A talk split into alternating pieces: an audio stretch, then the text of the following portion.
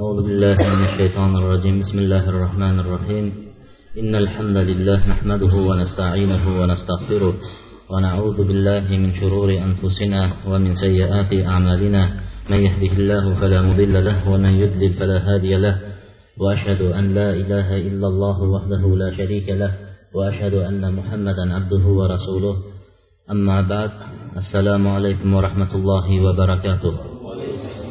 Alloh subhanahu va taoloning go'zal ismlari va buyuk sifatlari bilan shanba kunlik islom odobi darsligiga jamlangan ekanmiz. Go'zal ismlar bilan so'raymizki bu darsni avvalo o'zimga qolaversa sizlarga manfaatli bo'lishini va davomiy bo'lishini so'raymiz. Birodarlar dars boshlashdan avval bitta ikkita e, e'lon qilib qo'ymoqchimiz. Mashinalarni mana bu nimaga naryoqdagi ploshidga stoyankaga qo'yaversanglar shu yerda охранlar bor ekan shular qarab turar ekan mashinaga hech kim tegishmaydi. Xudo xohlasa shuyoqqa qo'ysanglar yaxshi bo'lardi. Masjidni oldiga kelmay o'sha yoqdan qo'yib kelaveringlar bu birinchisi. Ikkinchi aytib qo'ymoqchi bo'lgan narsamiz ehtiyotga binoan biz e, tasbehlarni va sunnat bilan vitr namozini o'qimasdan farzdan keyin o'qiyotganimiz sabablari ko'chada odamlar namoz o'qiydigan bo'lsa ularga mashaqqat qilib qo'ymaylik deb shuni qilyapmiz. Shuni ham e'lon qilib qo'ymoqchimiz. Keyin sunnat bilan vitrni o'qimay ketib qolmanglar yoki bo'lmasa uyda o'qimasdan qolib ketmasin deb aytib qo'ymoqchimiz. Uchinchisi e, uchinchisi mana shu masjidga taalluqli bo'lgan. Masjidni mana taniganlarimiz ham bor tanimaydigan birodarlar qanchalari shu masjidga o'zlarini hissalarini qo'shdi. Alloh ularning barchasidan rozi bo'lsin. Payg'ambar alayhissalotu vassalom hal ihson degandan yaxshilikning mukofoti faqat yaxshilikdir degan ba'zi joylarda mehmonga borsa asibu ahokum birodaringlarni savoblantiringlar derkanlar mukofotini beringlar deb shunda nima qilamiz? Mukofotiga desa duo qilib qo'yinglar degan ekan. Shunga binoan mana shu masjidga xizmat qilgan birodarlarimizni shu masjid jamoatlariga va shu yerga hissasini qo'shgan barcha eh, birodarlarimizni haqlariga duo qilib qo'yishdan avval masjidning hurmatini saqlashlik masjidlarni iflos qilib yubormaydigan darajada ya'ni talabi ilmga kelgandan keyin masjidlarga masalan suyanishlik devorlarini iflos qilib qo'yishlikdan ehtiyot bo'lishlik holatida shu masjidga hammamiz o'zimizni hissamizni qo'shsak ham yaxshi bo'lardi avvalo shu akalarimizni haqlariga bir duo qilib keyin darsimizni boshlasak اللهم لك الحمد كله اللهم لك الشكر كله اللهم إليك الياجئ الأمر كله علانيته وسره اللهم لا مانع لما أعطيت ولا معطي لما منعت ولا ينفع ذا الجد منك الجد اللهم إنا نسألك بأسمائك الحسنى وصفاتك العلى أنك أنت الله لا إله إلا أنت الأحد الصمد الذي لم يلد ولم يولد ولم يكن له كفوا أحد أن تغفر لنا ذنوبنا إنك أنت الغفور الرحيم يا فاك parvardigoro mana sening eng suyuklik makonlarning biri masjidda o'tiribmiz bu sening baytullohingda o'tiribmiz mana shu o'tirishligimizni muborakli qilgin va bizlar uchun shunday joylarni tayyorlab berishga hissasini qo'shgan barcha aka ukalarimiz birodarlarimizni gunohlarini mag'firat qilgin. Xonadonlarga tinchlik osoyishtalik va badanlariga sihat ofiyat ato etgin va yumushlariga kasblariga barakotlar bergin. Va robbil alamin. Allohu akbar.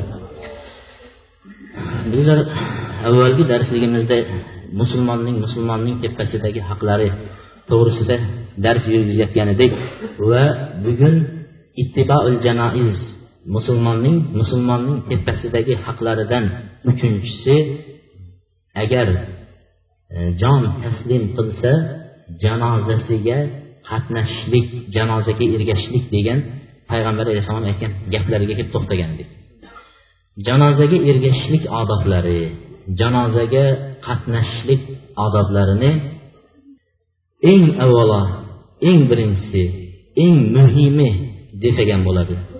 Va hozirgi kunimizda juda ko'pchilik shunga ahamiyat bermayotgani hozirgi kunda bu odob janoza odobi janozaga qatnashgan vaqtdagi odob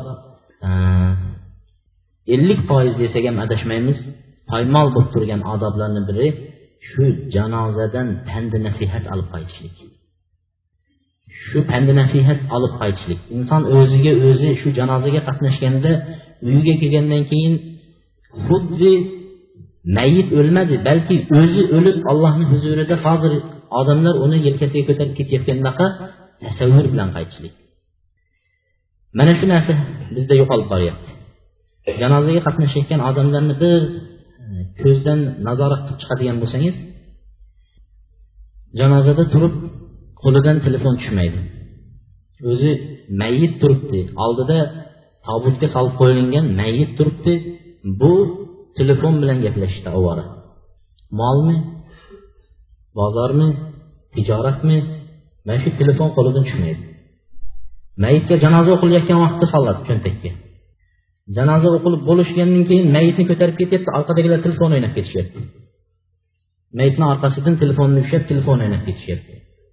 Dafn marosimida besh olti odam qarindosh urug'i mayitni dafn qilish bilan ovora chekkada o'tirgan odamlar tezroq tugata qolsa edi. Shoshyotgandim deb boyagi telefonni cho'ntagidan nima qilmaydi? Cho'ntagiga solmasdan qo'lida o'ynab o'tiribdi. Mana shu narsani bizlar hozir yo'qotgan vaqtimiz shuning uchun bu eng birinchi odob panda nasihat olishlik. Qarindoshimiz o'lsa onamiz o'lsa otamiz o'lsa akamiz o'lsa yig'lab bir birodar mo'min o'lsa borib hech narsa bo'lmaganday qaytib kelayotgan odam bu pandi nasihat olmasdi u odam. Begona odamning ham janozasiga qatnashib yig'lay bilgan odam shu janozada u pandi nasihat olgan o'ziga bir ibrat olgan odam bo'ladi. Shuning uchun ulamolar aytadiki kimga o'lim o'lim pandi nasihat jihatidan kifoya qilmaydigan bo'lsa unga boshqa maiza kifoya qilmas degan ekan. O'limdan ta'sirlanmagan odam o'limni ko'rib ta'sirlanib o'limni ko'rib oxirat uchun harakat qilmagan odamga deydi endi hech qanaqa da'vat aytsangiz ham pandi nasihat aytsangiz ham u nima qilmas ekan ta'sirlanmas ekan dunyo bilan mashg'ul bo'ldik dunyo biz uchun alloh taolo dunyoni dor qaror qilmagan edi bizni abadiy yashaydigan hayotimiz emas bu vaqtinchalik bir hayot edi. Bir inson bir qishloqdan narigi qishloqqa o'tish uchun borayotgan bo'lsa o'rtada daryo bo'lsa o'rtada anhor bo'lsa shu anhorni ustiga ko'prik qurilgan bo'lsa uni maqsadi shu ko'prikni ustida yashash emas narigi qishloqqa o'tib shu qishloqda uy imorat solish maqsadida ketyapti. Ko'prikni ustiga kelib imorat solib olgan odamga biz jinni deb aytamiz. Bu ko'prikni ustida emas seni makoning deymiz. Hozir biz dunyoni dunyo biz uchun oxirat hovlisiga ko'prik umrimiz biz uchun oxirat hovlisiga qo'yilgan ko'prik. Biz shu ko'prikni ustida o'tib ketyapmiz. Ammo shu ko'prikni ustiga imorat solyapmiz shu ko'prikni abodon qilmoqchimiz. Shu ko'prikni bor nimamiz bilan hayotimiz mobaynida hamma yig'ganimizni shu ko'prikni obodon qilishga harakat qilyapmiz dunyo insonlarni haqiqiy baxt saodat dunyosi ko'p odam deb o'ylaymiz. Haqiqiy baxt saodat hamma narsasi yetish hamma narsasi yetib bo'lgan biron narsadan shikoyat qilmaydigan kishi dunyoning baxti shunga berilgan odam deb aytamiz. Kamchiligi bo'lgan undan shikoyat qilgan bundan shikoyat qilgan kasallikdan kambag'allikdan shikoyat qilgan odamni bechora baxtsiz deb aytamiz. Bu bizlarning lug'atimizda shunday aytiladi. Lekin shariatning lug'atida esa payg'ambar alayhissalotu vassalom aytdiki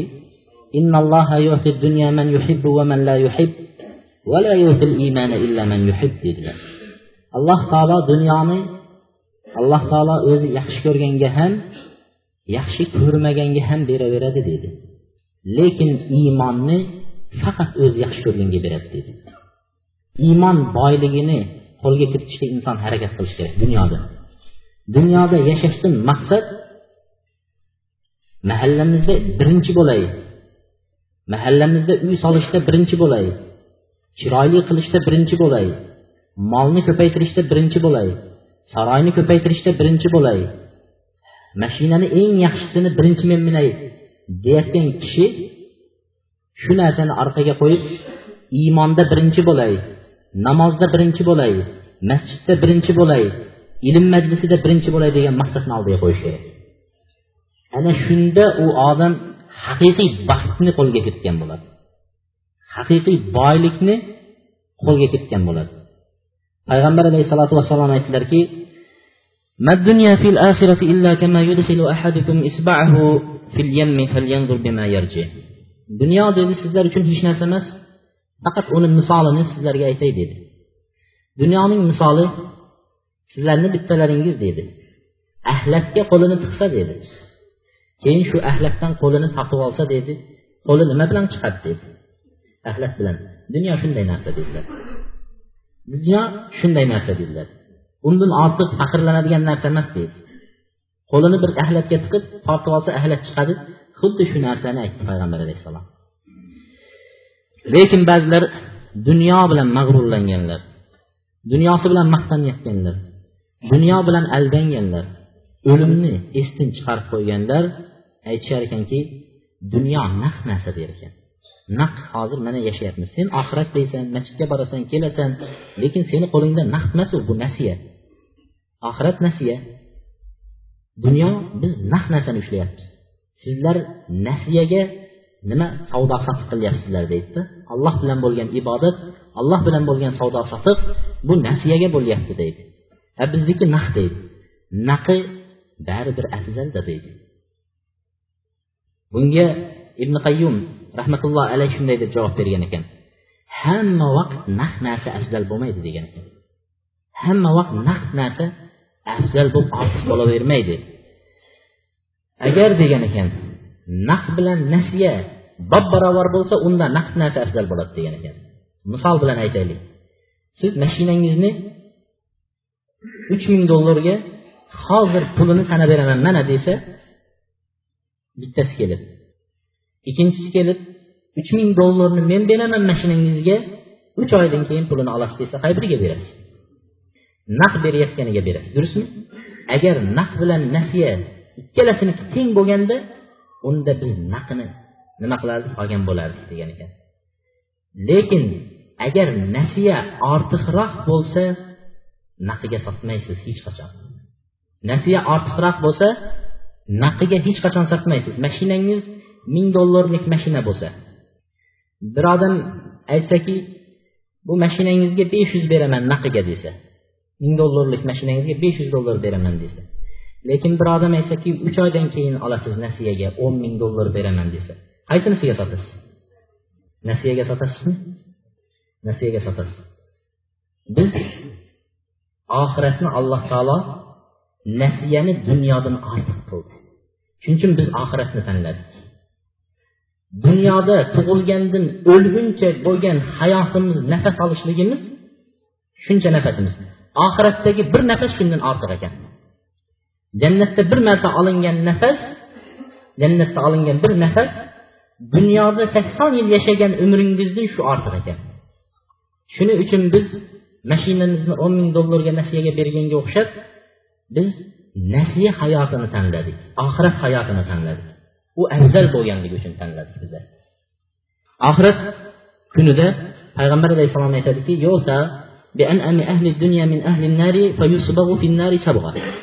oxirat kunida dunyoda eng boy badavlat yashab hech kam ko'zsiz yashagan lekin ibodat qilmagan. Do'zax ahlidan birini alloh taolo olib keltirilar ekan. Allohni huzuriga keltirilgan vaqtida dunyoda kasal bo'lmagan kamchiligi bo'lmagan mashaqqati bo'lmagan pullar o'z öz o'zini oqib kelib turgan boy badavlat shunday dunyodan shikoyatsiz yashab o'tgan odam oxiratda olib kelinib jahannamga yuz payus degan ekan. Jahannamga bir marta shunday botirilib olinar ekan. Bir marta botirib shunday chiqarib olar ekanda keyin savol qilinar ekan. Ey inson ey odam farzandi der ekan. Dunyoda qanaqa ne'matlarga erishding? Bir dunyoda marrabika naim dunyoda bir ne'mat o'tdimi degan ekan. Bir maza qildingmi dunyoda desa aytar ekanki la vallohi ya rob yo'q parvardigor biron marta ne'mat ko'rmadim der ekan. Shuncha maza qilib yashagan odam bir marta do'zaxga shu shunday solinib olinishi bilan dunyodagi lazzatlar maza qilganini hammasi esdan chiqib ketar ekan. Hammasi esdan chiqib ketar ekan. Endi dunyoda unisi yetmagan bunisi yetmagan mashaqqat bilan yashagan kasal bo'lgan boshqa bo'lgan lekin ibodatini tashlamagan. O'sha ibodat bilan o'tgan odamni olib kelib turib alloh taolo jannatga bir marta solib chiqarar ekan. Bir marta tiqib olar ekan jannatga. Aytar ekanki ey bandam dunyoda qiyinchilik ko'rdingmi? desa yo'q der ekan. Dunyoda mashaqqat ko'rdingmi? desa yo'q parvardigor ko'rganim yo'q der ekan. Nimaga? Bir marta jannatga kirib chiqqan vaqtda dunyoni mashaqqat hammasini esdan chiqarib yuborar ekan. Biz shu nasiya hayotini tanladik. Oxirat hayoti bu dunyoni mashaqqatlarini bizni bir marta jannatga chiqqan vaqtda esimizdan chiqib ketadigan hayot oxirat hayoti uchun harakat qilib yashashligimiz kerak. Lekin nima uchun biz o'limni yomon ko'ramiz? Nima uchun qachon gapirsa hatto xalqni ichida ham shunday do'zaxning gapirsa o'limning gapirsa yomon ko'radi. Nimaga deydi shu domla nuqul deydi o'limning gapiradi deydi. Yomon ko'rishimizni sababi biz o'limga tayyor bo'lmadik. Qalbimiz alloh yaratib qo'ygan fitratimiz qalbimiz sof dil sof qalbga quloq solsak qalb aytyapti ey banda to'xtasanchi qachongachaysan shu dunyoni orqasida yugurasan? O'zing davlingga kasal bo'lding o'zing sahr kasal bo'lding o'zing boshqa bo'lding. Mana shu kasallarni sanaydida lekin endi to'xtab allohga ibodat qilsanchi? deydi. Lekin biz to'xtamasdan yugurib ketyapmiz. Qalbimiz haqiqiy qalbimizga quloq solsak ibodat qil deydi. O'lasan allohni oldida nima deysan deydi qalb ammo dunyoga chiqqandan keyin masjidni eshigini ochib bir qadam qo'ygandan keyin hammasi esini chiqyapti hammasi esini chiqyapti buni. Ana endi o'zimiz kelyapti tirikligimizni o'ylayapmiz. Kecha qurgan do'konimizni o'ylayapmiz. Uyga olib kelgan mol mollarimizni o'ylayapmiz. Mana shunday mana shunday mana shunaqa qilib bizlar endi o'limga tayyor emasmiz. O'ladigan bo'lsak shuncha o'qimagan namozlarimizga nima deb javob berishdan qo'rqamiz? O'ladigan bo'lsak shuncha tutmagan ro'zalarga nima deb javob berishdan qo'rqamiz? O'ladigan bo'lsak umrimiz mobaynida shuncha mol dunyosi bo'lib uni zakotini hisoblab chiqarmagan pullarimizga nima deb javob berishdan qo'rqamiz? Shuning uchun o'lgimiz kelmaydi. Payg'ambar alayhissalotu vassalom aytdiki man ahabba liqaalloh ahabba liqaahu va man kariha liqaalloh kariha liqaahu. Kim allohga yo'liqishni yaxshi ko'rsa alloh taolo unga yo'liqishni yaxshi ko'rar ekan. Shu tezroq o'lsin dunyodan bu fitnalaridan dunyoni mashaqqatidan qutulsam alloh taolo bizga tayyorlab qo'ygan jannatni shu ko'zim bilan ko'rsam deb mana shunaqa bir mushtoqlik bilan kutgan odamni alloh taolo yo bandam seni kutib turibman deb turib alloh taolo ham shunday kutar ekan kim yomon ko'rsa o'lmasan o'lgandan keyin nima bo'lar ekan mana? Qaysinisi bo'lar ekan?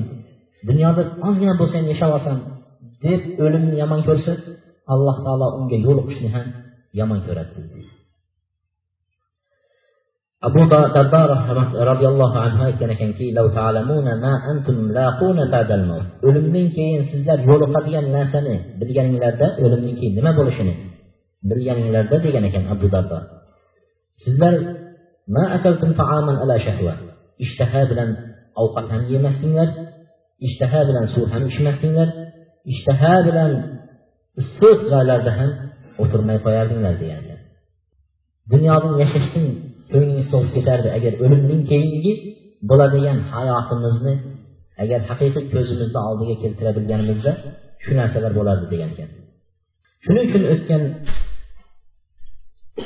imomlarimiz o'tgan solih kishilar sahobalar tobiinlar o'tirib yig'lar ekan. O'limni eslab o'tirib yig'lar ekan. Qabrni eslab biz o'zi qop qorong'i zulmatning ichida u yerga issiq isitgichlar qo'yilmagan yoritib turadigan svetlar yoqilmagan va to'shaklar bilan to'shalib qo'yilmagan turpoq yotgan vaqtda boshiga bir g'isht qo'yiladi bo'ldi. Shu qabrni eslagan vaqtida o'tirib yig'lar ekan o'tgan salamlar bir mehmon hammani uyiga kelishini hammamiz bilamiz. Bu mehmon qarining ham uyiga yoshning ham uyiga boyning ham uyiga gadoning ham uyiga kasalning ham uyiga sog'ning ham uyiga kirib keladi. Bu mehmon vaqtiga qarab kelmaydi. Kechasi ham kelaveradi kunduzi ham kelaveradi. Xohlagan vaqtida keladi va sizga xabar berib kelmaydi taqillatib kelmaydi. To'g'ridan to'g'ri kirib keladigan o'lim ajal bu mehmon uchun hamma dasturxonini ochib tayyor turish kerak. Dasturxonida oxiratga olib ketadigan yemishlari bo'lishi kerak. Noni yeydigan narsasi oxiratda tanovul qiladigan narsasi bilan shu o'limni kutib turish kerak. Shuning uchun o'tgan imomlarimiz yig'lashar ekan shu o'limni eslab. Mana utbatul g'ulom deydi bu kishini tarjimai holini e, olimlar zikr qilgan vaqtlarda aytishgan ekanki abdul vahid ibn zaydning majlislarida ilm majlislarida o'tirsalar to'qqiz yil shu kishining majlislarida o'tirdi to'qqiz yilgacha ko'zlaridan yosh to'xtamadi degan ekan. Faqat oxiratni eslab yig'lab qabrni eslab yig'lab o'limni eslab yig'ladi degan ekanlar. Bu kishi parvardigordan uchta narsani so'radi degan ekan. Bir so'ragan narsasi alloh taolodan yig'lay biladigan ko'zni bergin deb so'ragan ekan. Inson hayotida hech bo'lmasa yig'lash kerak. Yig'lagan ko'zni la nar degan.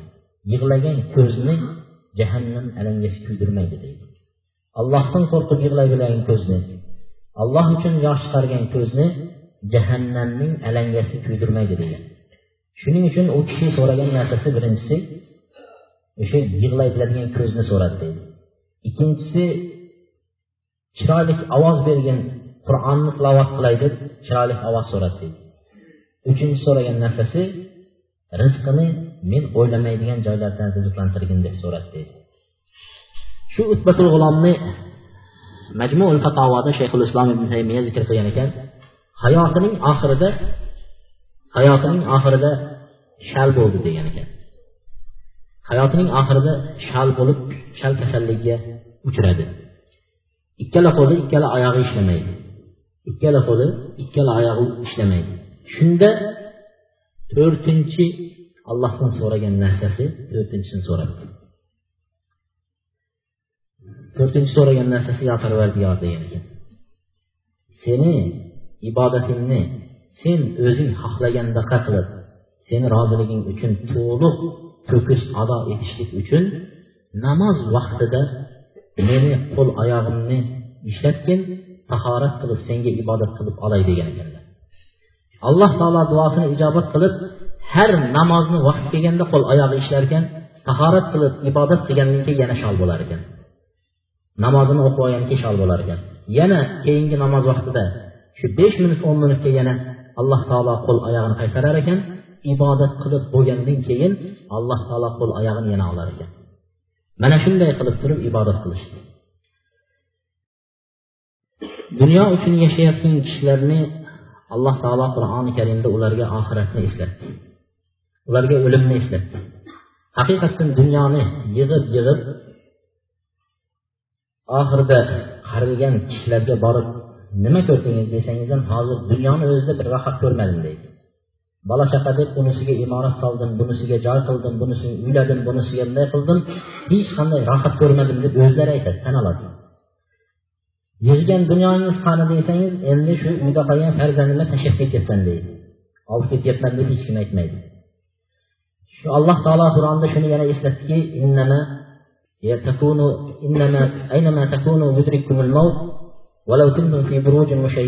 sizlar qayerda bo'lsanglar ham ajal sizlarga yetib keladi agar chandiki sizlar qasrlarning ichida burujlarning ichida bo'lsangiz ham o'lim sizga yetadi deydi. Dunyo uchun yashayotgan kishilar bundan tanbeh olishsin. Dunyo faqat biz uchun bir sabab bo'lishligi kerak. Bizning haqiqiy diyorimiz oxirat uchun inson yashash kerak. Oxirati uchun yashash kerak bo'ladi. Ba'zi olimlar aytgan ekan kim o'limni ko'p eslasa uchta narsa bilan alloh taolo uchta narsani unga beradi degan ekan. Yaxshilikni. Birinchisi ko'p o'lim eslagan kishi tez tavba qiladi degan ekan. O'limni ko'p eslagan odam tezroq tavba qiladi. Nima uchun hozir ko'p odamlar tavba qilmayapti? O'lgisi kelmaganlar hali vaqt bor keyinroq tavba qilamiz deyishadi. Keyinroq tavba qilamiz deyishadi. Lekin o'limni eslayotgan odamlar hozir masjidni eshigidan chiqib o'lmaslikka kim kafolat beradilar? Masjidni eshigini ochishimiz bilan qadamimizni qo'ymay turib ham insonni joni chiqishi mumkin. Shuning uchun o'rnida tavba qiladi. Tez tavba qilishni alloh taolo berar ekan ikkinchisi ko'p o'lim eslagan kishi qalb qanoatligini hosil qiladi. Qalbi qanoat qiladi. Ozga ham ko'pga ham yetishga ham yetishmovchilikka ham qanoat qilib yashaydigan bo'ladi. Uchinchisi ibodatga berilib ibodat qiladi. Dangasalik bilan ko'ngli kelganda bir yilda bir marta bir oy ro'zada borib qo'yib ibodat qilib qolgan vaqtda assalomu alaykum xayr endi keyingi yilgacha deb ketishlik bo'lmaydi. Sen hozir o'lasan deydigan bo'lsa nima bo'ladi holatimiz? Yugurib masjidga boramiz. Sen hozir o'lasan desa u yoq bu yoqqa bormaydi to'g'ri masjidga yugurib keladi. Tavba qilib olay deb xuddi shunday bo'ladigan bo'lsa ko'zimizni oldida o'lim tursa ibodatni ko'proq qilishga harakat qiladi. Kim o'limni eslamasa uchta narsa bilan balolanadi degan ekan. Birinchisi tavba qilmay yuraveradida gunoh bilan o'tib ketadi. Ikkinchisi bergan topayotgan narsasiga qanoat qilmaydi haromga keyin o'zini uraveradi. Uchinchisi ibodatdan uzoqlashib ketaveradi. Ibodatdan uzoqlashib dangasalik qila boshlaydi o'limdan oldin yaxshi amal qilishlik husn xotimaga dalolat qiladi deydi. O'limdan oldin yaxshi amal bilan o'tishlik husn xotimaga dalolat qiladi degan. Payg'ambar alayhissalotu vassalom aytganki alloh taolo bir bandaga yaxshilikni iroda qilsa uni ishlatadi degan ekan. Shunda nima narsaga ishlatadi? Ishlatish qanaqa bo'ladi ya rasululloh deb so'rashganlarida o'limdan oldin solih yaxshi amallar qilishlikni alloh taolo unga muvaffaq qiladi degan ekan. Yaxshi amallar qilishlikni nasib qiladi unga. Alloh taolo yaxshilikni xohlagan kishiga yaxshi amal qilishni o'limdan oldin nasib qiladi degan ekan. Biz shu o'limdan oldin yaxshi amal bilan husni xotima bilan o'tganlarni misoliga va yomon xotima oxirida yomon amal bilan jon berganlarning misoliga to'xtab o'tamiz birinchisi ibn javziy rahmatulloh alayh o'zining kitoblarida zikr qilgan ekan suul xotima yomon o'lim degan kitoblarida zikr qilgan ekanki avvalgi sahobiylar davrida deydi musulmonlar rum shaharlarini fath qilishga bordi deydi. Shu shaharlarni g'azot qilib shu diyorlarga din islomni yetkazishlikka borishdi deydi. Shunda borgan vaqtida musulmonlar shu diyorda nimani ichiga hismning ichiga ya'ni qo'rg'onning ichiga kirib olgan nasorolar bilan bir oylab shu yerda jangda bo'ldi degan ekan. Shu bir oylab shu yerda turgan vaqtlarida bularning ichida abdur ibn abdurahmon degan kishi bor edi deydi. Abdur ibn abdurahmon degan kishi bor edi. Shu kishi deydi bir kuni shu qo'rg'onning oldiga kelgan edi. Narigi tarafidan nasorolarning xristian dinidagi nasorolarning qizini bittasiga ko'zi tushdi deydi. Shunda darrov bu yoqdan turib haliginga sekin gap boshladi. Shunda u aytdiki men senga yetishishlik yo sen menga yetishing mumkin emas san bizni dinga va bizni qavmga kirmagunchayin bermaydi dedi. Haligi kishi payg'ambar alayhisalotu vassalom aytganlar sizlarga eng qattiq qo'rqadigan fitna ayollar fitnasi degan payg'ambar alayhissalom payg'ambar alayhissalom ummatiga keladigan fitnani ogohlantirgan ayollar fitnasi deb haligi olloh yo'lida chiqqan kishi shu eng yaxshi asrda yashayotgan kishi shu yerga borgan vaqtda haligini ko'rdida mayli deb darrov haliginga qo'rg'onni ichiga kirib ketdi. Haligi ayolga yetish uchun nasoro diniga o'tib ketdi xristian diniga o'tib ketdi. Ammo o'zi qur'on yodlagan hofizlardan ham edi.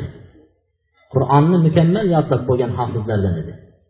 Shundan keyin bu yili musulmonlar bu qo'rg'onni ochishlikka kuchlari yetmadi. Keyin qaytishib kelasi yiliga ikki uch yillardan keyin yana shu joyga ikkinchi marta hamla qilishdi. Shunda kelgan vaqtlarida ichkaridan haligi nimalarni tepasida askarlarni ko'rdi qarasa ichida o'zlarining tanishi abduh ibn abdurahmon yuribdi shunda musulmonlardan biri aytdiki ey abduh sen diningga qaytgin musulmonlarga qaytgin biz keldik taniyapsanmi bizni? deganida taniyapman sen palonchisan sen palonchisan sen kazonchasan deb ismlarini aytdi. Ha sen qaytmaysanmi deganda yo'q men qaytolmayman. Men shu dinni qabulladim va mana shu ayolga uylandim undan farzandlik bo'ldim dedi. Shunda musulmonlardan haligi birodari ha sen qur'onni komil yodlagan edingu nima bo'ldi qur'on? deganda qur'ondan biron harfi qolmadi kallamda deydi faqat alloh taolo bir oyatni yodimdan chiqarmadi dedi. Bu oyat bo'lsa rubama law muslimin yakulu yatamattau degan hijr surasining ikkinchi oyati kallasida qolgan. Uning ma'nosi kofir bo'lgan kishilarni juda ko'plari kofir bo'lgan kishilarni juda ko'plari umid qiladi yaxshi ko'radi. Qani musulmon bo'lsam edi qaytadan deb umid qiladi. Qo'yib qo'yavering tashlab qo'ying. Yesin ichsin tamattu qilsin maza qilsin. Yaqin kunda nima bo'lishligini ko'radi degan oyatni alloh taolo kallasida qoldirdi. Bu oyatni har eslagan sayin ezilib o'tish uchun alloh taolo shuni kallasida qoldirdi. Dindan chiqib boshqa dinga o'tib qur'onni hammasini alloh taolo uni boshidan olib qo'ydi bir shu oyatni qoldirdi. Kofir bo'lganlar qaytadan dinga qaytishni musulmon bo'lishni orzu qilib o'tadi. Yaxshi ko'rib o'tadi qani dinga qaytsam deb nima uchun o'tuvdi ayolga yetish uchun. Lazzat topish uchun o'tuvdi yesin ichsin lazzatlansin yaqin kunda ko'radi degan oyatni alloh taolo uni tepasida qoldi mana bu suul xotimaga bir misol. Va ikkinchi misol mana shu yana shu kitobda zikr qilganlaridan biri mansur ibn ammor o'zining do'sti haqida zikr qiladi. Gunoh qilib yuradigan bir do'stim bor edi deydi. Shu do'stim bir kuni da'vat qildim da'vatim sababli masjidga keldi deydi. Men bilan birga masjidlarga qatnab yurardi ro'za tutardi namoz o'qirdi deydi. Kunlardan bir kuni kasal bo'lib ko'rinmay qoldi. Uyiga ziyorat uchun bordim deydi. Ziyorat uchun borganimda uydan farzandlari chiqdi. Dadasi kasal ekanini aytdi. Men uni ziyoratiga keldim dedim. Shunda hovliga kirsam hovlini o'rtasiga e, o'rin solib o'rta hovlining o'rtasida yotibdi deydi men kelib unga qarasam jon talvasasida yotibdi. La ilaha illalloh deb aytgin. La ilaha illalloh deb aytgin deb talqin qildim deydi oxirgi nafasi la ilaha illalloh bilan chiqsin deb la ilaha illallohni aytgin deb talqin qildim. Shunda u men bu kalimani bilmayman nima deyapsan? deb aytdi deydi men aytdimki la ilaha illalloh deb aytgin la ilaha illalloh deb aytgin deb yana talqin qildim. Bu o'rtog'im bo'lsa deydi men la ilaha illalloh kalimangni bilmayman nima bu o'zi? men uni aytolmayman bir narsa meni to'sib qo'ygan deb aytdi. Shunda nima uchun unday? Sen namoz o'qirding ro'za tutarding masjidlarda yurarding nima uchun bunday bo'lding? deb aytdi. Nima gunoh qilding? deganda men yolg'on tavbachi edim degan ekan yolg'on tavba qilardim degan ekan masjiddan uyga kelganimdan keyin o'tirib olib eshiklarni berkitib qulflab uyda o'tirib aroq ichardim degan ekan olloh harom qilgan narsani allohni hurmatini paymol qilardim degan ekan shunday qilgan edim bir kuni alloh taolo mana shu dardga duchor qilib qo'l oyog'im qaltirab kasal bo'ldim farzandlarimga aytdim meni hovlini o'rtasiga olib chiqinglar deb hovlini o'rtasiga olib chiqishdi keyin qur'onni olib kelinglar dedim. Qur'onni olib keldi. Qur'ondan bir oyat o'qib yig'lab tavba qilib yo alloh men senga tavba qildim. Ikkinchi marta bu gunohga qo'l urmayman. Mana men sening kalomingning hurmati bilan qasam ichib aytyapmanki meni shu kasallikdan shifo bergin deb aytgan edim alloh taolo shifo berdi turib yurib ketdim. Keyin ikkinchi marta ham shunday bo'ldi. Uchinchi marta ham shunday bo'ldi. Mana to'rtinchi marta bo'lganida men farzandlarimga hovliga olib chiqinglar dedim. Hovliga olib chiqishdi qur'on olib kelinglar dedim. Qur'on olib keldi qur'onni ochsam bir harfini ham tanimayapman dedi qur'onni bir harfini ham tanimayapman. Haliginday duo qilyapsan duodan hech qanday manfaat bo'lmadi. Sen aytayotgan kalimangni men mutlaq xohlamayman dedida shu yerda jon chiqdi. Mana buni keyin aytdiki mansur ibn ammor aytdilarki mansur ibn ammor aytdilarki mana shu yolg'onchining tavbasi oxiri yomon o'lim yomon o'lim bilan o'ldi deydi buni zikr qilishimizning ham sababi men ba'zi bir birodarlarni guvohi bo'lib qoldim. Juma kuni birga juma namozi o'qiganda ismlari tanish bo'lmasa ham yuzlari chehralari tanish bo'ladi odamlar. Lekin jumadan boshqa kunlari esa aroq do'konlarining oldida aroq ichayotganligini ko'rdim. Bu bir juma o'qib qo'ysa gunohlari bo'ldi to'kildi degan gap emas u. Ko'p jumaga qatnashayotgan birodarlarimiz hali to'liq iymon nima ekanini tushunib yetmaganligini guvohi bo'ldim. Shuning uchun mana shu qissani ham zikr qilishimizni ham sababi shu edi. Husni xotimaga misol go'zal o'lim bilan o'lganlar ham e, bor ularning o'limidan oldin go'zal hayotlar bo'lishgan. Bulardan biri arab davlatidagi men aytganim avvalam vallohu alam aytib o'tgan bo'lsam kerak arab davlatida o'liklarni yuvib tozalab kafanlab beradigan xos makonlar bor. Shu yerga olib borib yuviladi shu yerda kafanlanadi ana shu joyda ishlaydigan kishilarning biri zikr qilishicha bir kuni deydi bizning o'sha makonga g'asil amvot o'lik yuvadigan joyga bir bolani olib kelishdi. Deydi shunda men yuvay desam dedi masjidning imomi buni men o'zim yuvsam menga ruxsat bering dedilar. Mayli o'zingiz yuvishni ixtiyor qilayotgan bo'lsangiz yuving dedim deydi. Biroz ikkimiz munoqasha qilib tortishdik bu yerda men yuvaman yuvadigan bo'lsangiz nimaga uyingizni yuvavermadingiz deb talashdik tortishdik axir haligi kishi shu yerda yuvishga nima qildi? Oldi ruxsat oldi. Keyin shu yerda haligi kishi yuvishni boshladi. Yuvib birozdan keyin yugurib tashqariga oldimga chiqdida bolani yuzini yopolmayapman dedi. Kafan bilan yuzini yopolmayapman dedi. Shunda nima voqea? Nimaga yopolmaysiz? Hazillashyapsizmi deb men ichkariga kirdim deydi. Otilib ichkariga kirib kafan bilan qancha harakat qilsak kafan ochilib ketyapti bolani yuzidan shunaqa nur chiqib turibdi deydi. Kafan hech yopilmayapti deydi. Shunda imomdan so'radim buni nima siri bor edi? Bola qanaqa bo'lgan edi? Nima uchun menga yugurmadingiz bolani? deganda bola har kuni bizni masjidda o'zi qur'on yodlab hofiz bo'lgan bola deydi. Yoshligidan masjidda qur'on yodlab qur'onni mukammal to'liq yodlab chiqqan bola. Har kuni ramazon oyi edi. Asr namozidan to shom namozigacha bizni masjidda qur'onni takrorlaydi va shom namozida shu yerda masjidda ozgina og'zini suv bilan ochib shom namozini o'qigandan keyin uyga ketadi. Shu kuni ham odatdagidek ro'za holatida qur'on tilovat qilib asrdan shomgacha o'tirdi.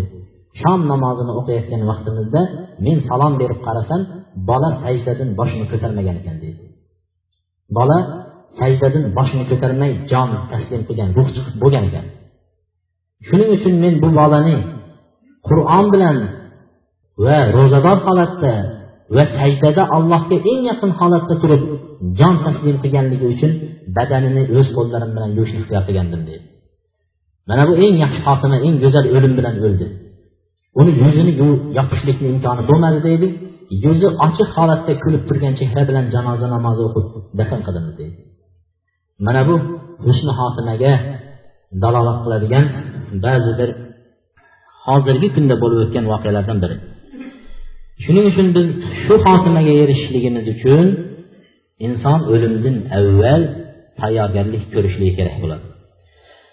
Endi janoza va janoza odoblari ikkinchisi biz birinchisi janozaga qatnashgan vaqtda nima qilish edik? Pand nasihat olishlik janozadan. O'limning ta'sirlanishlik. Ikkinchisi janoza namozining savobi fazli qanaqa ekanligini o'rganishlik. Savobi qanaqa janoza namoziga qatnashishni savobi.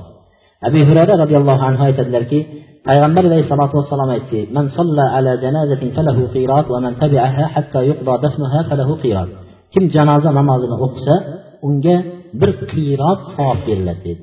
Kim ko'mguncha qatnashsa unga yana bir qiyrot beriladi dedi. Qiyrot nimadir deganlarida uhud tog'icha keladigan ajr savob dedilar. Bir qiyrot degani bir uhud tog'icha keladigan katta bir tog'ni aytyapti madinadagi shu tog'day keladigan savob dedilar. Dafnigacha qatnashgan kishiga yana shunchalik katta ajr savoblar bitilgan uchinchi odoblarning uchinchisiga keladigan bo'lsak janoza namozni o'qishni har bir odam ta'lim olishligi. Har bir odam janoza namozi o'qishni bilishligi kerak. Bizni diyorlarga birinchi bor arablar bu diyorlarga kelgan vaqtlarida arablar hayron qolgan. Bir odam o'ladigan bo'lsa haligi hamma yuvuvchini janoza o'qib beradigan imomni kutib turganini ko'rib nimaga o'zinglar o'qiyvermaysizlar deydi. Ha biz o'qiy olmaymiz desa hammasi hayron bo'lishgan janozani har bir odam o'rganishligi kerak. Janoza degani kelib orqasida imomni orqasida allohu akbar deb safda turib qaytib chiqib ketish degani emas u namozni qanday o'rgangan bo'lsak janozani ham xuddi shunday o'rganishligi kerak bo'ladi. Birinchi janoza o'qiyotgan kishi agar imom namoz o'qiyotgan imom. Oldida turgan mayyit erkak bo'ladigan bo'lsa uni bosh tarafiga turadi. Mayyit tursa erkak bo'lsa uni bosh tarafiga turadi. Agar ayol bo'ladigan bo'lsa uning o'rta tarafiga turadi. O'qiyotgan kishi. Keyin to'rt takbir bilan janoza tugaydi. To'rt takbir.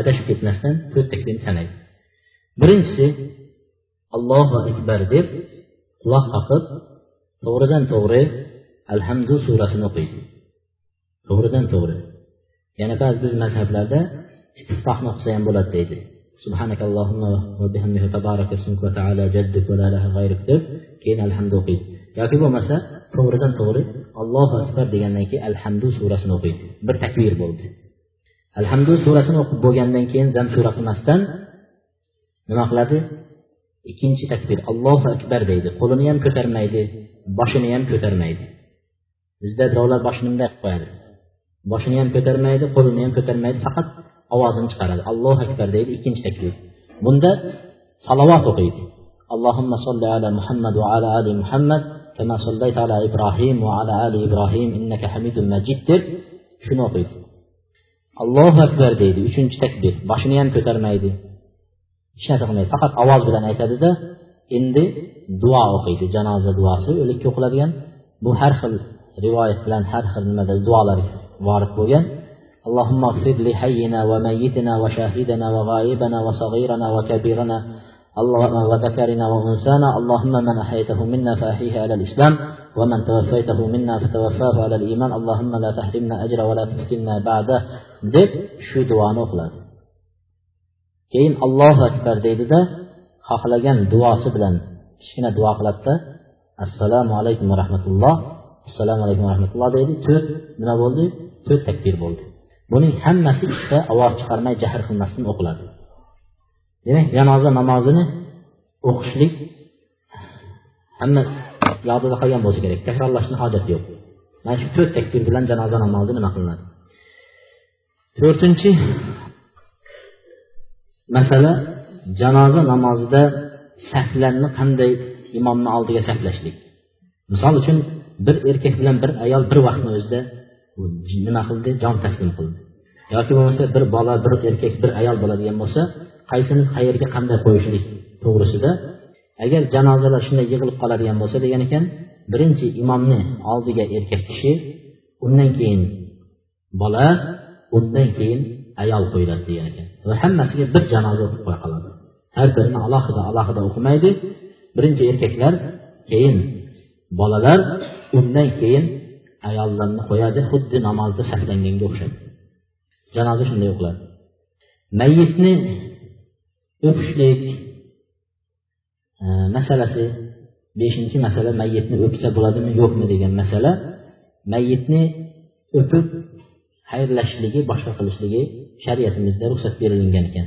oysha onamiz roziyallohu anhu aytadilar أن النبي صلى الله عليه وسلم قبل عثمان بن مدون وهو ميت وهو يبكي أو قال عيناه تذرفان قال عيناه تذرفان payg'ambar alayhissalomni ko'rdim usmon ibn madun vafot etganlarida o'pib ko'zlaridan yosh oqib turganligini ko'rdim degan ekanlar oysha onamiz mayyitni o'pib ko'rsa bo'laveradi E, yana shunga o'xshab aytdilarki payg'ambar alayhissalom vafot etganlarida abu bakr roziyallohu anhu kelib payg'ambar alayhissalotu vassalomni nima qildilar? Boshlaridan o'pdilar shuning uchun o'likni o'pib qo'yishsa bo'ladi. Lekin baqirib ovoz chiqarib yig'lab dod solishlikni payg'ambar alayhissalom qaytarganlar. Oltinchi odob mayitning qarzi bo'ladigan bo'lsa qarzlarini tezroq o'tashlikka shoshilish kerak. Qarz. Payg'ambar alayhissalotu vassalom mayyitning qarzi bo'ladigan bo'lsa janoza namozi o'qimaganlar. Mayyitda qarz bo'ladigan bo'lsa janoza namozi o'qimaganlar. Yana abu hurayra roziyallohu anhudan rivoyat qilingan hadisda aytadiki nafsul mu'min muallaqatun bidaynihi hatta yuqda anhu. Mo'minning joni qarzi bilan bog'liq bo'lib turadi.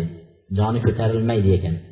Shu osmon bilan yer o'rtasida muallaq qolar ekan. Bu joni qarziga bog'liq bo'ladi.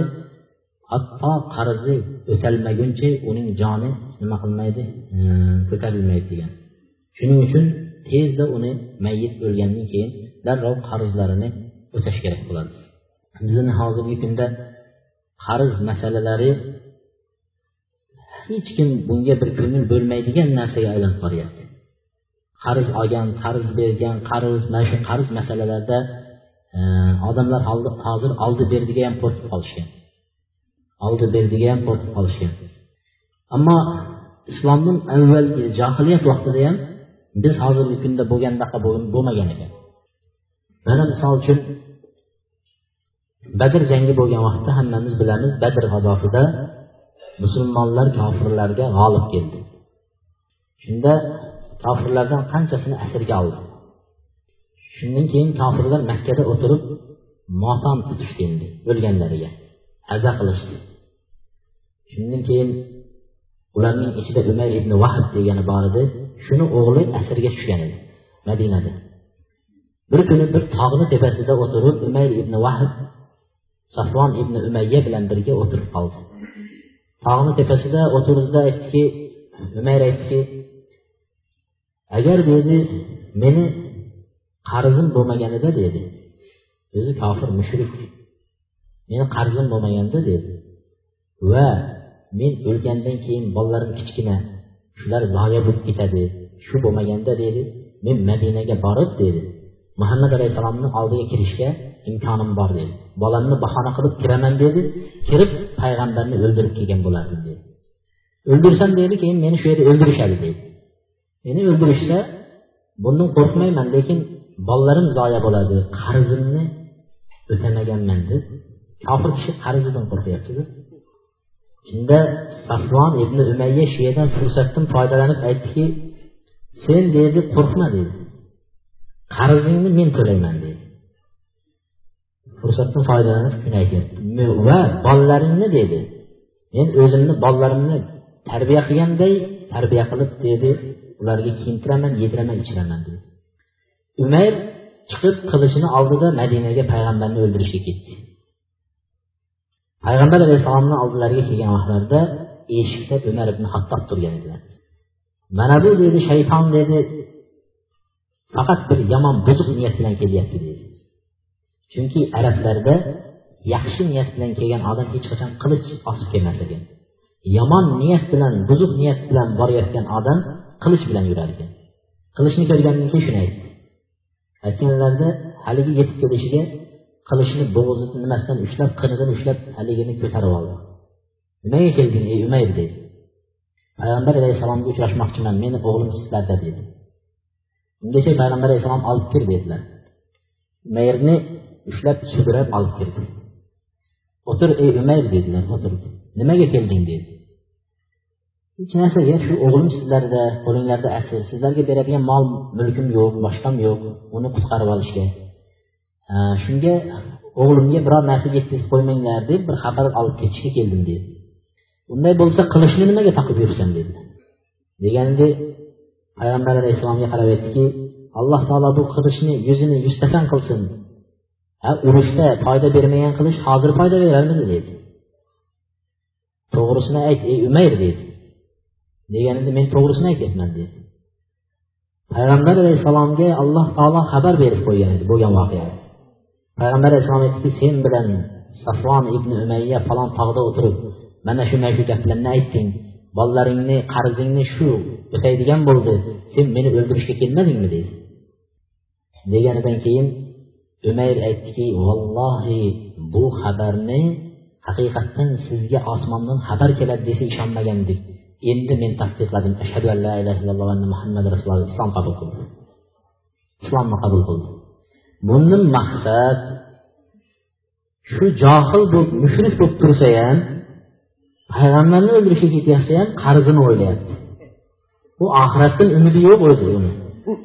Bizlar oxiratdan umidimiz bor musulmonlar janozamni o'qing men o'lsam deymiz lekin qarzdan hech kim qo'rqmayapti. Qarzdan hech kim qo'rqmayapti. Shuning uchun mayyitning birinchi nimasi qarzini o'talinmishligi yettinchi odoblari isro va janoza janozani dafn qilishlikka nima oshiqishlik tezroq dafn qilishlik. Abu hurayra roziyallohu anhu payg'ambar alayhissalom rivoyat qilgan hadisda aytadiki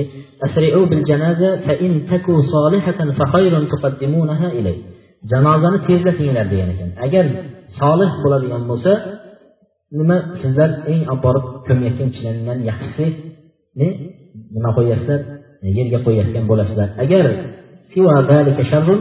agar u yomon bo'ladigan bo'lsa eng yomon narsani bo'yninglardan yerga tushirib tashlayotgan bo'lasizlar degan ekan. Shuning uchun janoza yaxshi odam bo'lsa ham yomon odamning mayyiti bo'lsa ham uni tezroq dafn qilishlikni payg'ambar alayhissalom targ'ib qildilar. Sakkizinchisi mayit chiqgan xonadonga taom olib borib berishlik. Mayit chiqgan xonadonga o'lim bo'lgan xonadonga taom olib borib berishlik. Bizda teskarisi mayit chiqqan xonadondan kasa kasa taom yeb chiqib ketamiz sizlar. Mayit chiqgan xonadondan yeymiz biz xonadonga olib borib bermaymiz. Teskarisi bo'lgan bizda hozir. To'ylarga misol uchun to'ylar belgilanadi. O'zingizning sharoitingizga qarab turib belgilaysiz. Pul mablag'ingizga uyni jihozlashingizga va hamma sharoitingizga to'g'ri kelib sog'lig'ingizga va uydagi boyagi mehmon kutishga yaroqli yemishlaringiz borligiga qarab turib to'y belgilaysiz. To'y belgilaysiz shunda ham to'yga kelayotgan odamlar to'yingiz qutlug' bo'lsin deb to'yona qo'shishadi. Ya'ni biror narsa beradi ming tangami ikki ming tangami besh yuz tangami ala himmatiga qarab berishadi. Xursandchilik ustiga yana nima beriladi? Pul beriladi. Xursand bo'ladi bu. Hamma narsa yetarli. Mayit chiqayotgan xonadon sharoitingizga qarab kelmaydi o'lim. Bir odam o'zi otasi kasal onasi kasal e, kasalni boqtirishga puli yo'q sharoiti yo'q qiyin holatda turganda o'g'li avvariyaga tushib o'lib qolsa misol biz unga borib o'zi sizlar kasal edinglar o'zinglarni boqtiringlar mana pul deb biror odam shu xonadonga bir ko'ngil bo'lib pul berib boshqa qilib unga qaramaydida borib qo'y so'yibdimi oshi qachon ekan payshanbasi qachon ekan deb kun sanab o'tiramiz borib yeb kelishga tayyor bo'lib turamiz. Ahli mayit chiqqan xonadonga ovqat olib borib berishga payg'ambar alayhissalom aytganlar. Ovqat olib borib beriladi jafar. Roziyallohu anhuning o'lim xabari kelganlarida payg'ambar alayhissalom aytdiki jafarning xonadoniga taom olib borib beringlar.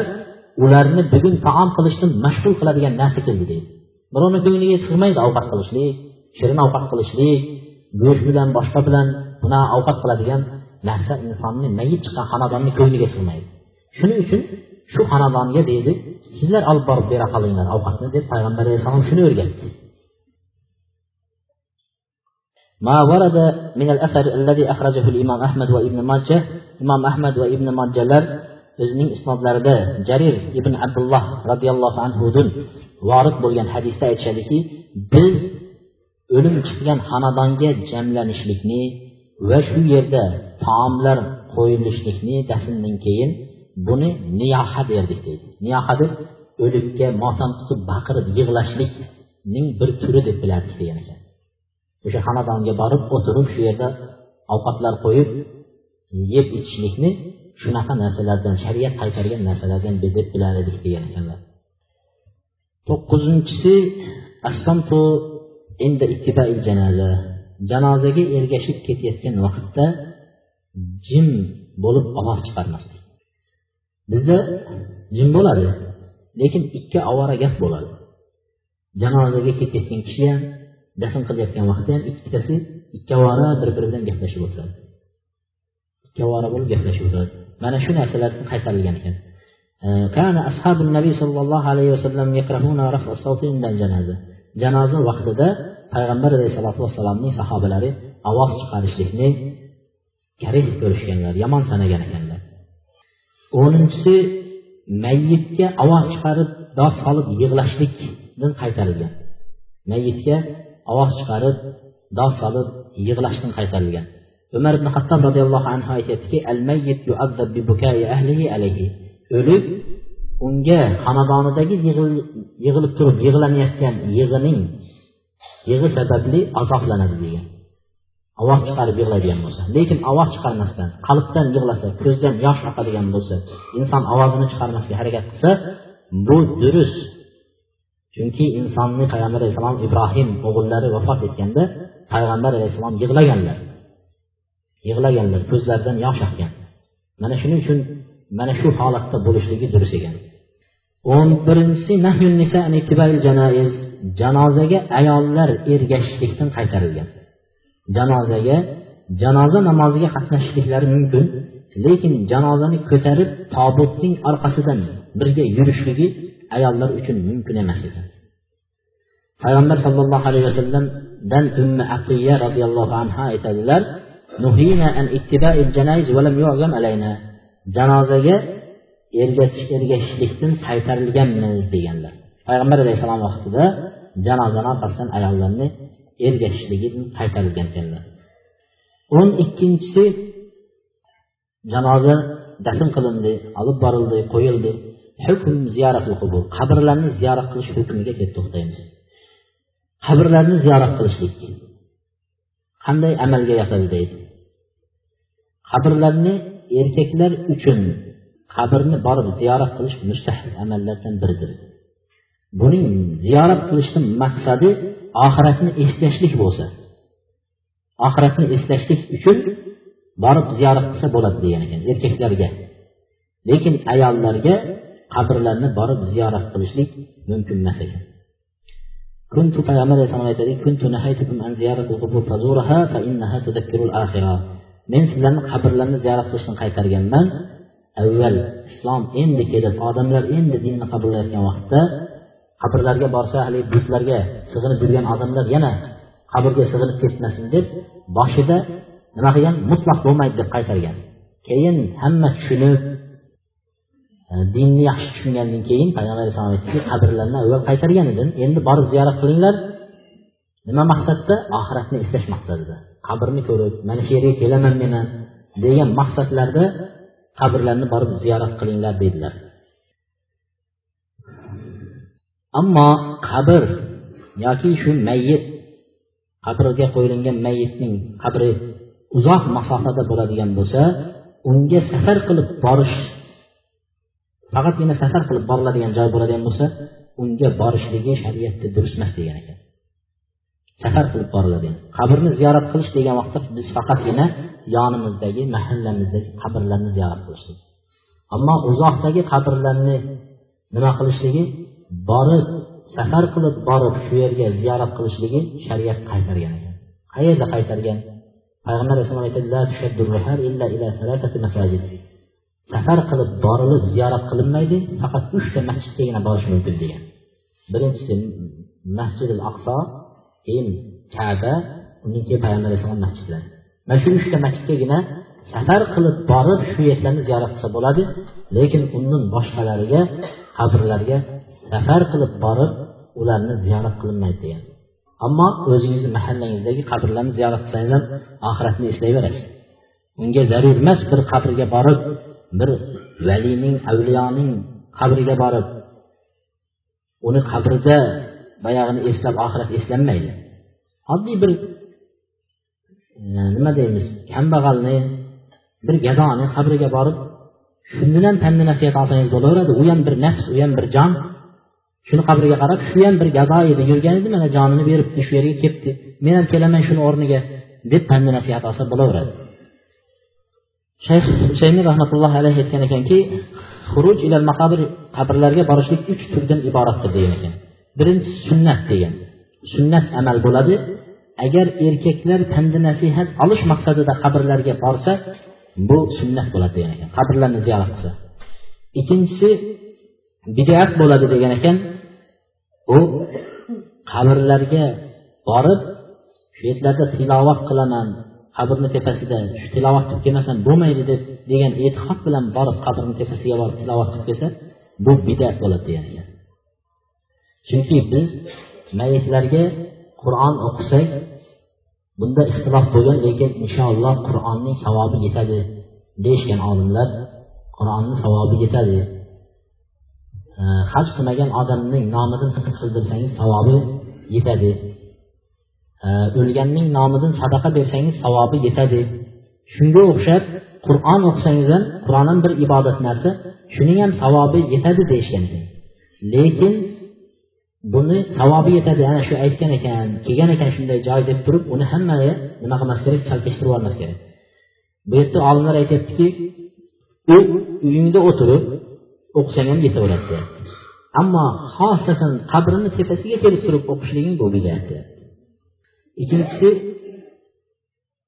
men o'qisam siz o'qisangiz kim o'qisa ham niyat bilan o'qib qo'ysa ketaveradi lekin bir odamni olib kelib domlani unga pul berib turib o'qitib ijaraga olib uni bag'ishlashlik ana bunisi ham bidat degan ekan pulga sotib olib turib o'qitib nima qilish?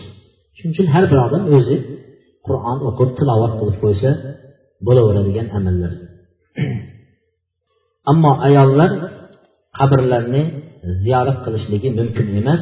Payg'ambar alayhisalotu vassalom aytganki uchinchisi qabrlarni ziyorat qilishning uchinchi turi shirk bo'ladi deganlar agar shu ziyorat qilib borgan odam qabrdan biror bir manfaat talabida borgan bo'lsa degan. Mana farzandi yo'q odamlar avliyolar tavblarga boradi birinchi. Tavblar aytadiki siz deydi shu bir qabrda deydi umid qilib turganlar bor ekan deydi.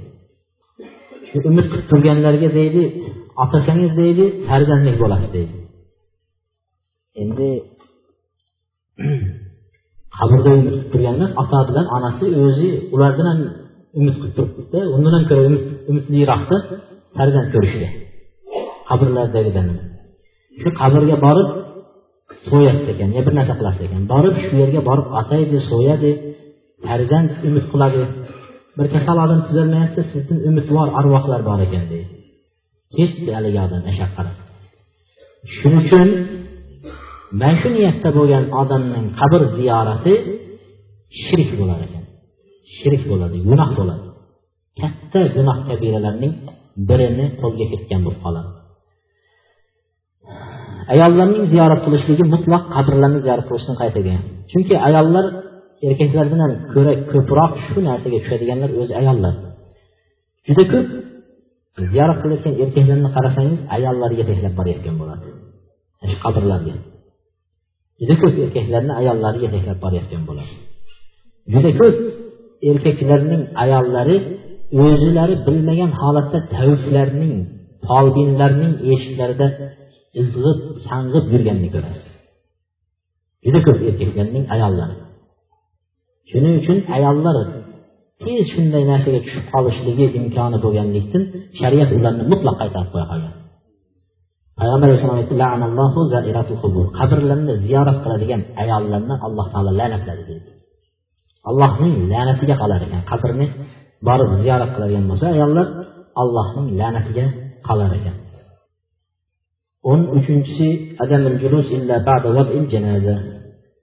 janozani qo'ymasdan turib o'tirib olmaslik janozani olib borgan vaqtda ko'tarib mayyitni ko'tarib borgan vaqtda qabristonga uni yerga qo'ymasdan turib o'tirib olmaslik kerak. Bizda masalan ba'zilar ko'tarib kirib ketaveradi. Qabristonlarda ba'zi bir qabristonlarda yomg'irlarda hali saqlanish uchun bir shifonlar qilinganda shuni tagiga o'tiradigan e, stollar qilingan. Shu bu kelgan odamlar stolda o'tiraveradi mayyit yelkada may ketaveradi kirib boraveradi. Bu durust emas. Shuning uchun uni qo'yib bo'lganidan keyin undan keyin o'tirishlik kerak. Payg'ambar alayhissalom aytdiki janozaga ergashsanglar uni qo'ymasdan turib o'tirib olmanglar degan. Qo'ymasdan turib o'tirib olmanglar degan. Shuning uchun olimlar ixtilof qilishgan ekan. Qo'ymasdan turib deganda ba'zilar aytganki yerga qo'ymay turib o'tirib olmanglar desa ba'zilar lahatga qo'ymay turib ya'ni dafn qilmay turib o'tirib olmanglar degan ekan. Bu yerda nimasi? Biz oladigan hadis nimasi? Yerga qo'ymasdan turib o'tirib olmanglar degan hadis o'zi nima ekan? E, Buxoriyda kelgan ekan. Shuning uchun biz shu hadisni olamiz. Yerga qo'ymay turib o'tirib olmanglar. Ammo ba'zilar dafn qilmasdan o'tirsa bo'lmas ekan deb kutib turaveradi. Yo'q yerga qo'yilsa bo'ldi.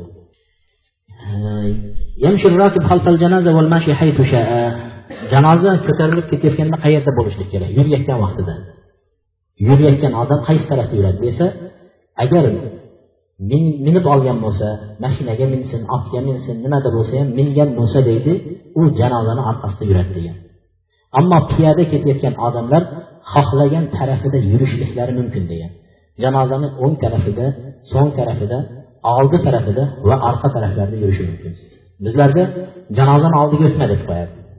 Janozani oldida yurishga bo'lmaydi deydi lekin bu narsalar durust emas xohlagan taraflarda yurishlari mumkin. Buxoriyda kelgan hadisda aytadiki payg'ambar sallallohu alayhi vasallam abu bakr umar janozaning oldida yurar edilar degan. Janozani oldida yurardi deydi. Bu ham janozani oldida yurishligi degan ekanlar bu hali janozani tezlatinglar deganga binoan oldigacha o'tib yurib tezroq borishlik hali hadisga muvofiq keladi degan ekan. Shuning uchun janozani oldida yursangiz ham yonida bu yonida orqasida yursangiz ham uni farqi yo'q. Ammo minib borayotgan odamlar mashinada ular orqasida bo'lishliklari kerak.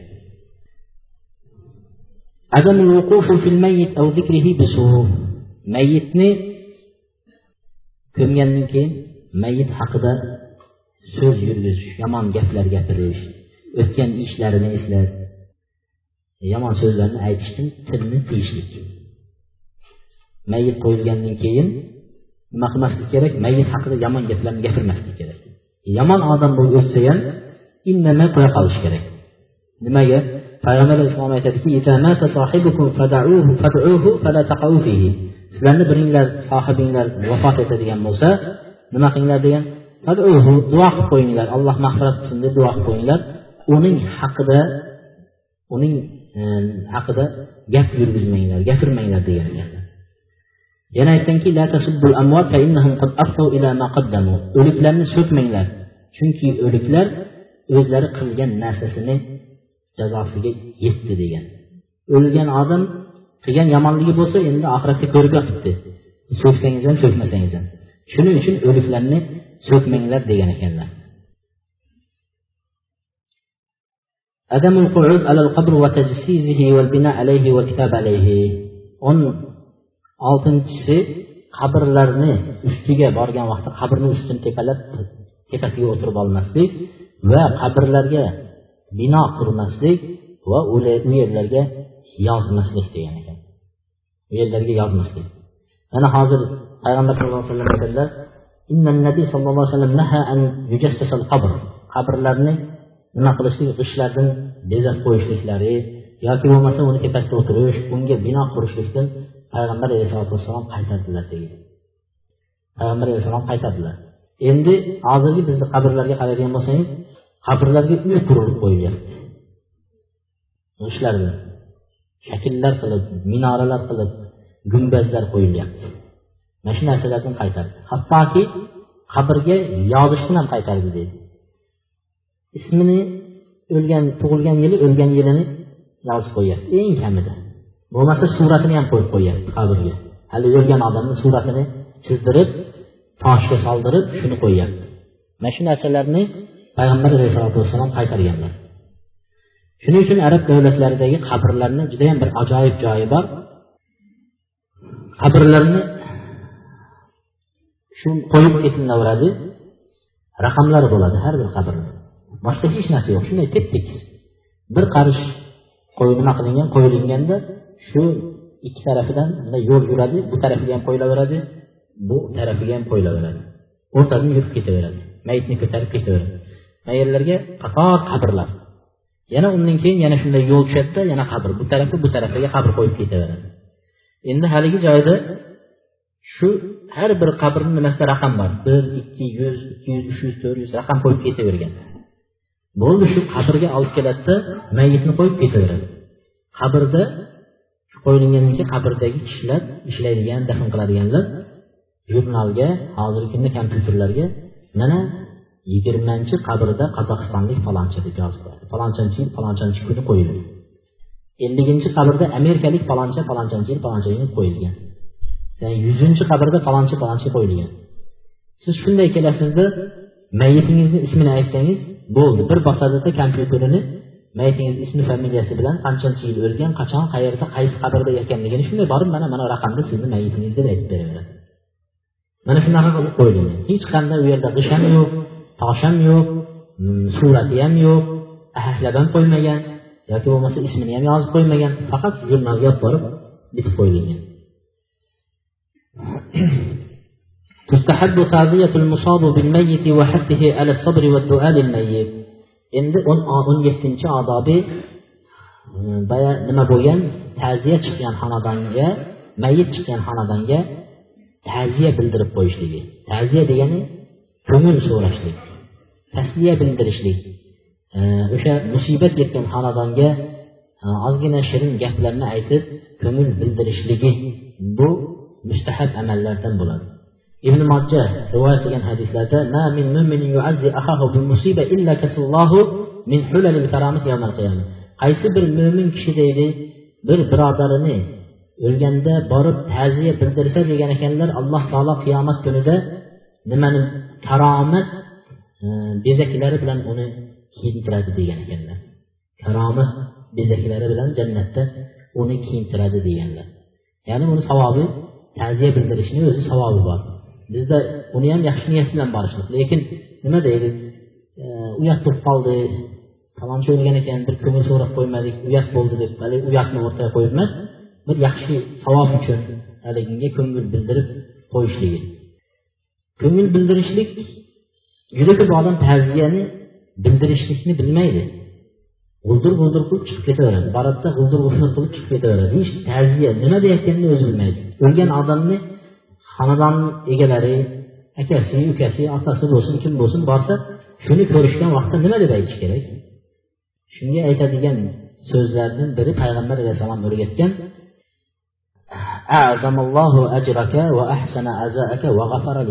degan gapni aytsa bo'ladi dedi.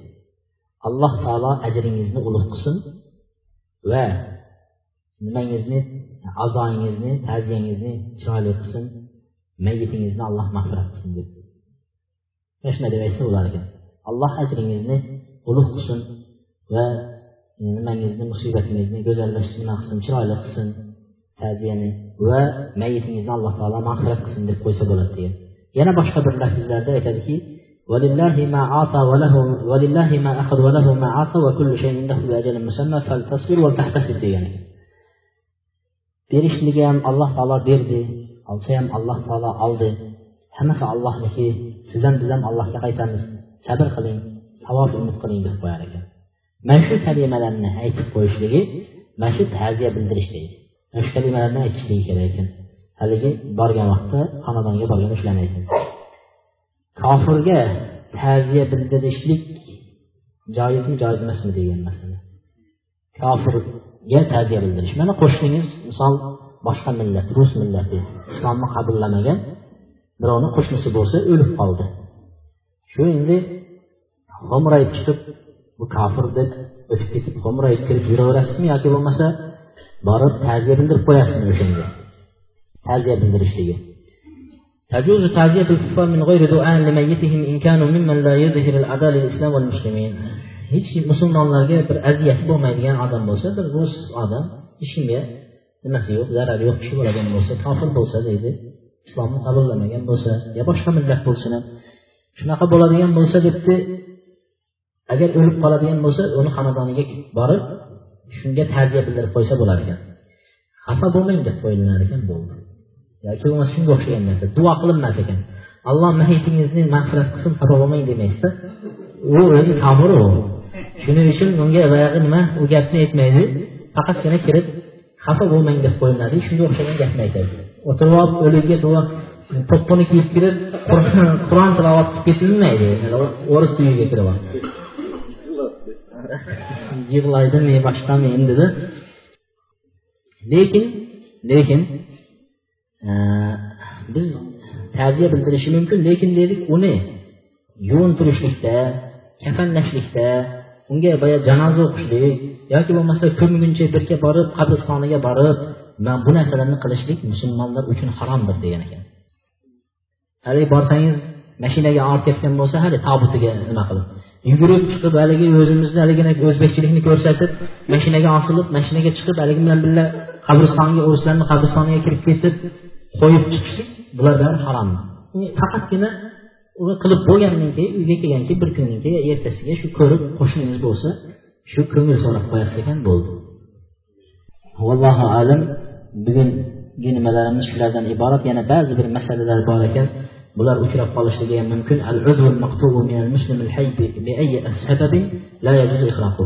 Musulmonning a'zosi agar bir joyi kesilgan bo'lsa masalan qo'li kesildi barmog'i kesildi biror joyi kesilgan bo'lsa uni nima qilinmaydi deydi e, kuydirib yondirib tashlash mumkin emas deydi uni olib borib dafn qilinadi.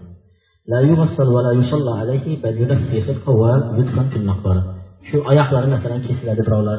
Sahr sababli boshqa sababli oyoq kesiladi qo'li kesiladi. Shunga o'xshagan narsalar bo'lgan vaqtda unga janoza o'qib o'tirmaydi qo'lini bir lattaga o'rab qabrga olib borib qo'yib qo'yaveradi. Qabrga musulmonlarni qabriga olib kelib qo'yib qo'yadi. Uni bir joyga tashlab yubormaydi yo yoqib yubormaydi yo cho'ktirib yubormaydi. mana bu bir masala من مات في البحر وخشي تغييره غسل وكفن وصلي عليه bir odam masalan dengizda kemani ichida o'lib qolgan bo'lsa uni ko'madigan joy hali yo'q kema uch kun to'rt kun davomida dengizni ichida yuradigan bo'lsa degan ekan unga agar shu yerda saqlaydigan sovutgichlar ham bo'lmasa xolodilnik boshqa o'xshagan narsa bo'lmasa u odamga shu yukni o'zida kafanlab shu yukni o'zida janoza o'qib dengizni o'ziga tashlab yuboraveradi degan ekan agar olib kelishni imkoni bo'lmasa degan ekan yo agar olib kelishni imkoni bo'ladigan bo'lsa olib kelib yerga qo'yiladi degan إذا مات رجل بين نسوة أجانب أو ماتت امرأة بين رجال أجانب أو تعذر غسله بسبب عدم عدم وجود الماء agar degan ekan bir erkak bir bir ayol bir ayol yo'lda ketyapti masalan o'lib qoldi Uni hech qanday mahrami ham yo'q hech kim yo'q erkaklarni ichida bir o'zi. Degan bir savol berilgan ekan. Bu savol avvalan berilgan ekan. Imomlarimizning biriga shu savol berilsa bir ayol yo'lda ketayotib shu yo'lda hech kim yo'q o'lib qoldi. Qanday qiladi? Kim yuvdi buni degan ekan. Erkaklar yuvdimi aybir yuvdi yuvsa degan ekan. Haligi e, imomlarimizni biri qarab turib aytibdiki javob beraman aytganda nima qilib yuribdi bu o'zi erkaklarni ichida deb? Uyda o'tirsa bo'lmaydimi debdida bir o'zi erkaklarni ichida nima qilib yuribdi degan ekan. Shunga o'xshab bo'lishi mumkin. Er bilan chiqqan bo'lsa ikkalasi birdan o'lib qolgan bo'lishi mumkin. Ikkalasi. Eri ham o'zi ham birdaniga o'lgan bo'lishi mumkin. Endi unga boshqa hech kim yo'q uydadan xuddi shuni teskarisi bir erkak. Ayoli bilan birga ketayotgan edi. Bir to'da ayollarni ichida. Er o'lib qoldi misol. Ayoli bilan birga. Kim yuvdi erkakni degan masala bo'lsa ba'zi ulamolar yuvmaydi shunday kafanlab namoz o'qilib qo'yilaveradi ba'zilar aytgan ekan tayammum qildirib qo'yib keyin yuviladi degan ekan. Tayammum qildirib keyin namoz o'qiladi degan ekan. Tayammum qilsa bo'ldi. Qo'liga yuziga turpoq bilan tortib shu bilan janoza namoz o'qib qo'yilaveradi degan ekan. Yoki ba'zida suv bo'lmay qoladigan bo'lsa sahrolarda shu vaqtlarda ham tayammum qildirib turib janoza namozi o'qilaveradi degan ekan. Vallohu alam bugungi nimalarimiz shu e, janozaga ergashishlik? O'n bo'ldimi mayli agar yana maqsad cho'zilib ketadi uyqunglar ham kelib qoladi endi. Keyingi darsligimizga inshaalloh keyingi musulmonni musulmonda haqqi nima e, aksa ursa unga javob berishlik to'y tumaloqqa chaqirsa unga borishlik va nasihat so'rasa nasihat berishlik uchisini inshaalloh bir qilib tugatishga harakat qilamiz سبحانك اللهم وبحمدك أستغفر الله وأتوب إليك وآخر دعوانا الحمد لله رب العالمين